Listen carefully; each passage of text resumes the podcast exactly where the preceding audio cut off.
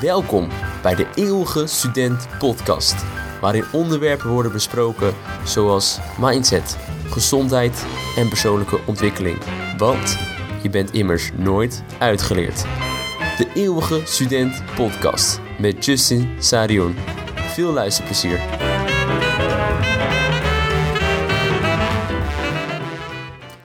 Geven en ontvangen.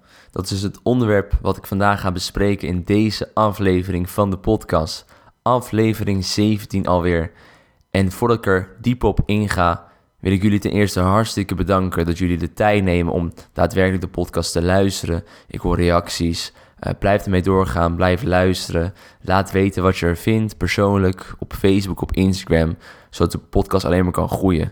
Jullie geven tijd, jullie tijd eigenlijk, jullie moment om naar mij te luisteren. En dat wordt heel erg gewaardeerd. En vandaar deze aflevering geven en ontvangen.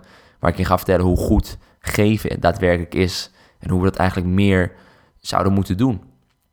En geven en ontvangen, dat wordt vaak gezegd eigenlijk net iets anders. In Nederland zeggen we vaak geven en nemen. Het is een hele typische Nederlandse uh, houding eigenlijk. Van tuurlijk, geven is goed, maar ja, sta wel je mannetje.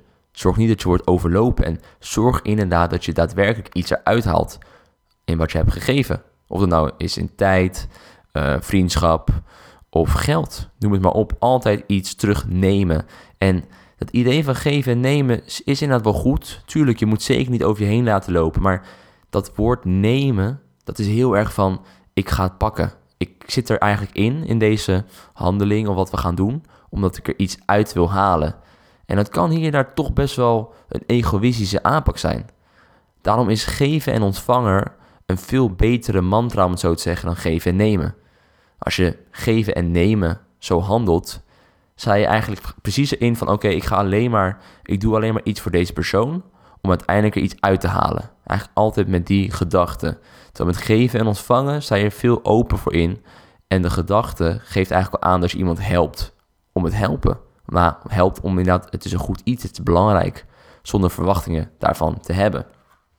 En het idee dat we geven en nemen vooral gebruiken, komt ook best wel door wat we vandaag de dag zien. Als we kijken naar grote bedrijven, corporate world, multinationals, wordt ook heel erg dat image geschetst van uh, eten of gegeten worden inderdaad. Je moet hard zijn, je moet, de samenleving is hard en de businesswereld is hard. Je moet de beste zijn, dit en dat. En daarom moet je je manager staan, daarvoor geven, kan. Maar inderdaad, zorg dat je iets eruit haalt. Zorg dat je neemt, dat je het grijpt, dat je het pakt. En met die mindset gaan heel veel mensen inderdaad uh, de wereld in. En dat is nu een soort van beetje de norm geworden, een beetje mainstream, geven en nemen. Ik heb zelf geven en ontvangen van mijn vader geleerd. En ik vind het zelf een hele mooie gedachte. En geven en ontvangen komt ook in heel veel religies terug. Christendom, islam, boeddhisme. staat eigenlijk centraal dat je moet geven. Of dat nou is uh, aan een tiende inderdaad. Uh, moslims die een reis maken inderdaad aan de armen tijdens uh, Ramadan inderdaad. Denk aan anderen, geef inderdaad. Zodat je uiteindelijk kan ontvangen. En niet alleen religie heeft het bedacht, ook wetenschap komt steeds dichterbij wat nou precies de wetenschap achter dat fenomeen is. Waarom is het zo goed om dus meer te geven? Een leidende uh, wetenschapper hierin is Adam Grant. En Adam Grant heeft een boek geschreven. Dat heet Give or Take. Het is een bestseller en daar beschrijft hij eigenlijk precies de wetenschap, psychologisch en een organisaties achter waarom givers, want hij is een Amerikaan, givers, gevers, uiteindelijk verder komen dan takers, oftewel nemers. Dus in zijn boek beschrijft hij drie soorten mensen. Je hebt givers, dat zijn mensen die daadwerkelijk ja, geven. En die geven omdat het belangrijk is. Die vragen zich af, hoe kan ik helpen? Dat zijn de vragen die ze zelf stellen. Dan heb je takers, wat eigenlijk het tegenovergestelde is. En de takers is, zoals het woord zegt, een nemer. Als iemand hem of haar zou vragen om hulp, zou een taker zich afvragen, ja, maar wat zit er voor mij erin? Echt precies vanuit uh, je eigen kant kijken. In het midden heb je een matcher. En als een woord zegt, die matcht tussen twee werelden. Dus zowel een giver als een taker.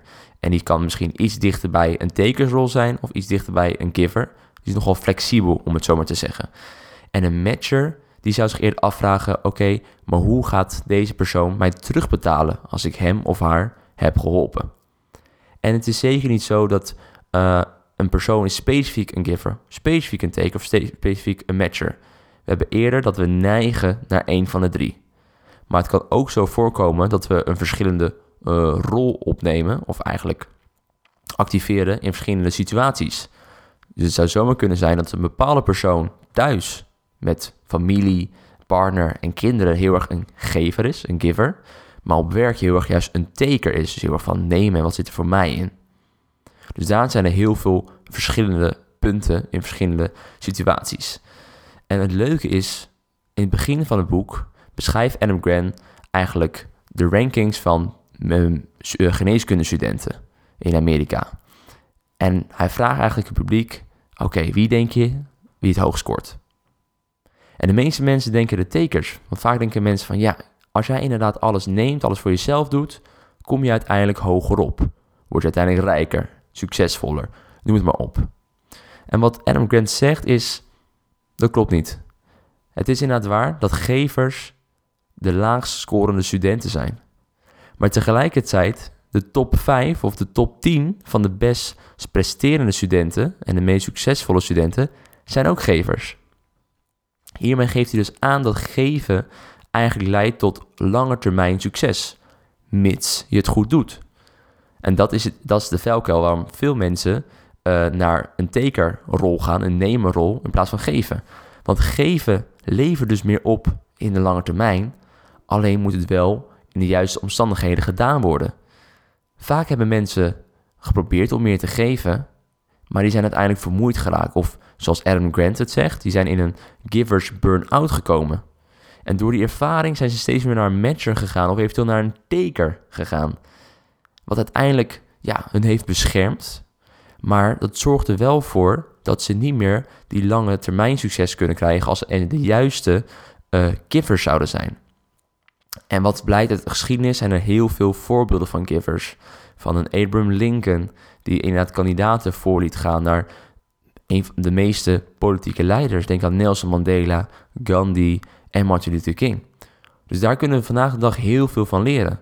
Wees die giver, geven en ontvangen. Maar zorg er wel voor dat je jezelf beschermt en dat je geeft vanwege de juiste redenen. En in zijn boek geeft hij drie vragen om je te helpen, zodat je erachter komt wat nou jou een goede gever maakt. En dat zijn eigenlijk waarom, wanneer en voor wie. En als je dat jezelf afvraagt, kan je jezelf optimaal een gever worden, een giver, en daardoor langer termijn succes krijgen. En ook echt waardering ervoor krijgen. Want dat is natuurlijk ook uh, een onderdeel van succesvol zijn. Niet alleen uh, financiële plaatje of resultaat, maar inderdaad de waardering die je krijgt. Nou, de eerste is waarom. Wat uit onderzoek blijkt is geven om het geven loont niet. En zorgt er ook voor dat je ja, nooit eigenlijk vervuld raakt. Terwijl als je de vraag stelt waarom geef je, dan ben je bewust van waarvoor je geeft. En geven hoeft niet per se te zijn in geld, al is het je tijd, al is het een geef dat je een momentje pakt. Dat je iemand achter je ziet lopen, je loopt een gebouw binnen en je houdt net de deur open. En als je daarvan bewust bent waarom je dat doet, dan word je eigenlijk al gelukkiger van. Kom je in een positievere mindset, waardoor eigenlijk je gezondheid ook al vooruit gaat. Het is gebleken, mensen die positiever zijn, de kleinste dingen waarderen, kleine geluksmomentjes in het leven hebben, hebben veel minder last van kleine kwaaltjes.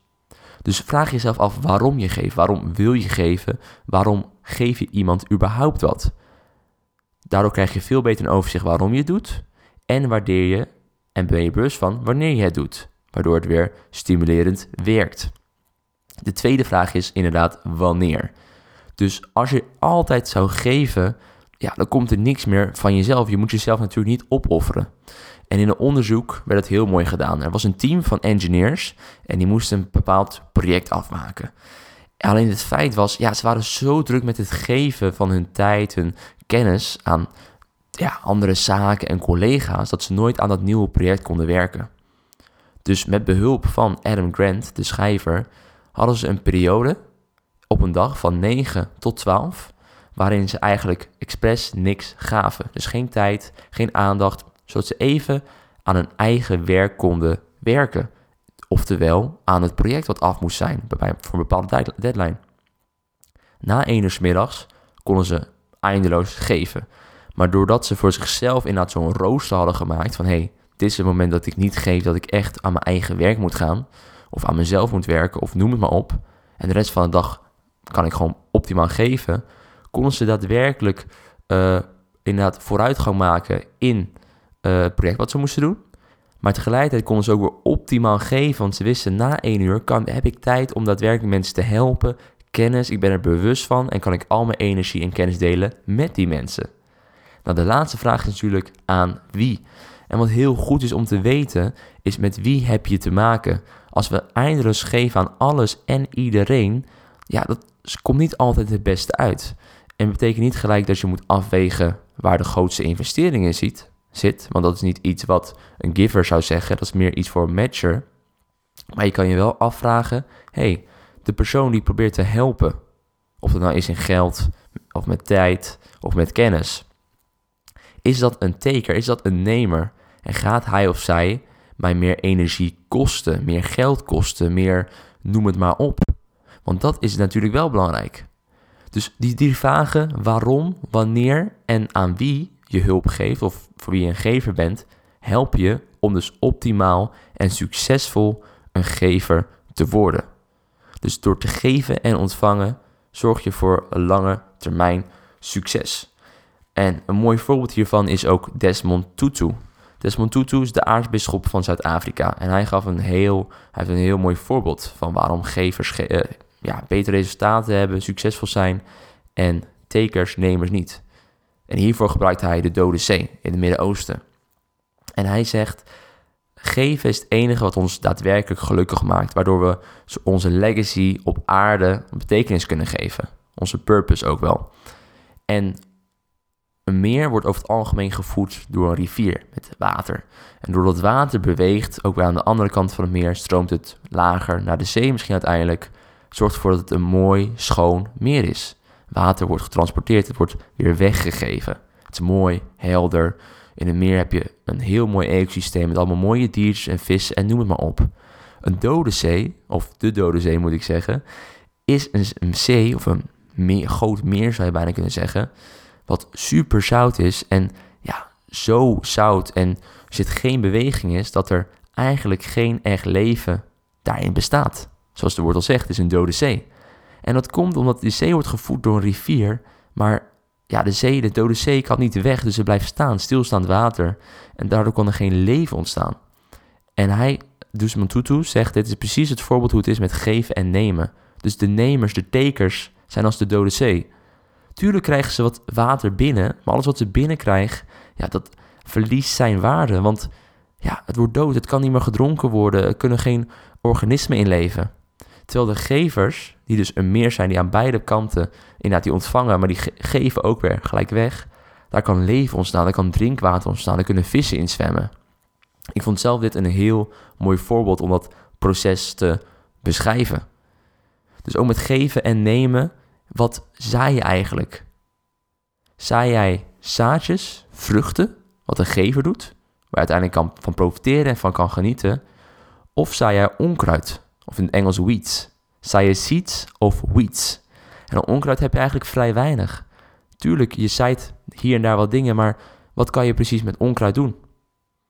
Dus zaai je weeds of seed is een hele belangrijke vraag in je handelingen. Wil jij die giver zijn of wil je die taker zijn? En te beginnen met een giver hoeven we niet gelijk inderdaad een donatie te doen naar een uh, bepaalde instantie of gelijk een maand lang vrijwilligerswerk te doen. Probeer het al heel klein aan te pakken. Een voorbeeld hiervan om een gever te zijn is al, probeer eens een compliment te geven aan iemand, een oprechte compliment, die je normaal niet zou geven. Dat is weer een heel mooi voorbeeld, want misschien komt er wel een heel mooi gesprek uit of een hele mooie connectie. Het kan zijn van, wat heb jij een leuke bril vandaag op? Of misschien iets specifiekers van, wat heb jij een goede stijl voor mode? Wat echt een, een compliment is voor iemands capaciteiten in plaats van iemand materiaal. Want iedereen kan natuurlijk een t-shirt kopen, maar niet iedereen heeft er smaak voor. En als je dat al begint met te geven aan mensen, kan je daarin groeien om steeds meer die gever te worden. En doordat je steeds meer gaat geven, gaat het nemen vervangen in ontvangen. Hartstikke bedankt voor het luisteren. Vond je dit nou een leuke aflevering? Vergeet dan vooral niet om te liken, duimpje omhoog en te subscriben. En vergeet ons ook niet te volgen op social media. YouTube, Soundcloud, Instagram, Facebook en LinkedIn. Gewoon onder de naam De Eeuwige Student Podcast. Nogmaals bedankt en tot de volgende keer. Dit was De Eeuwige Student Podcast met Justin Sarion.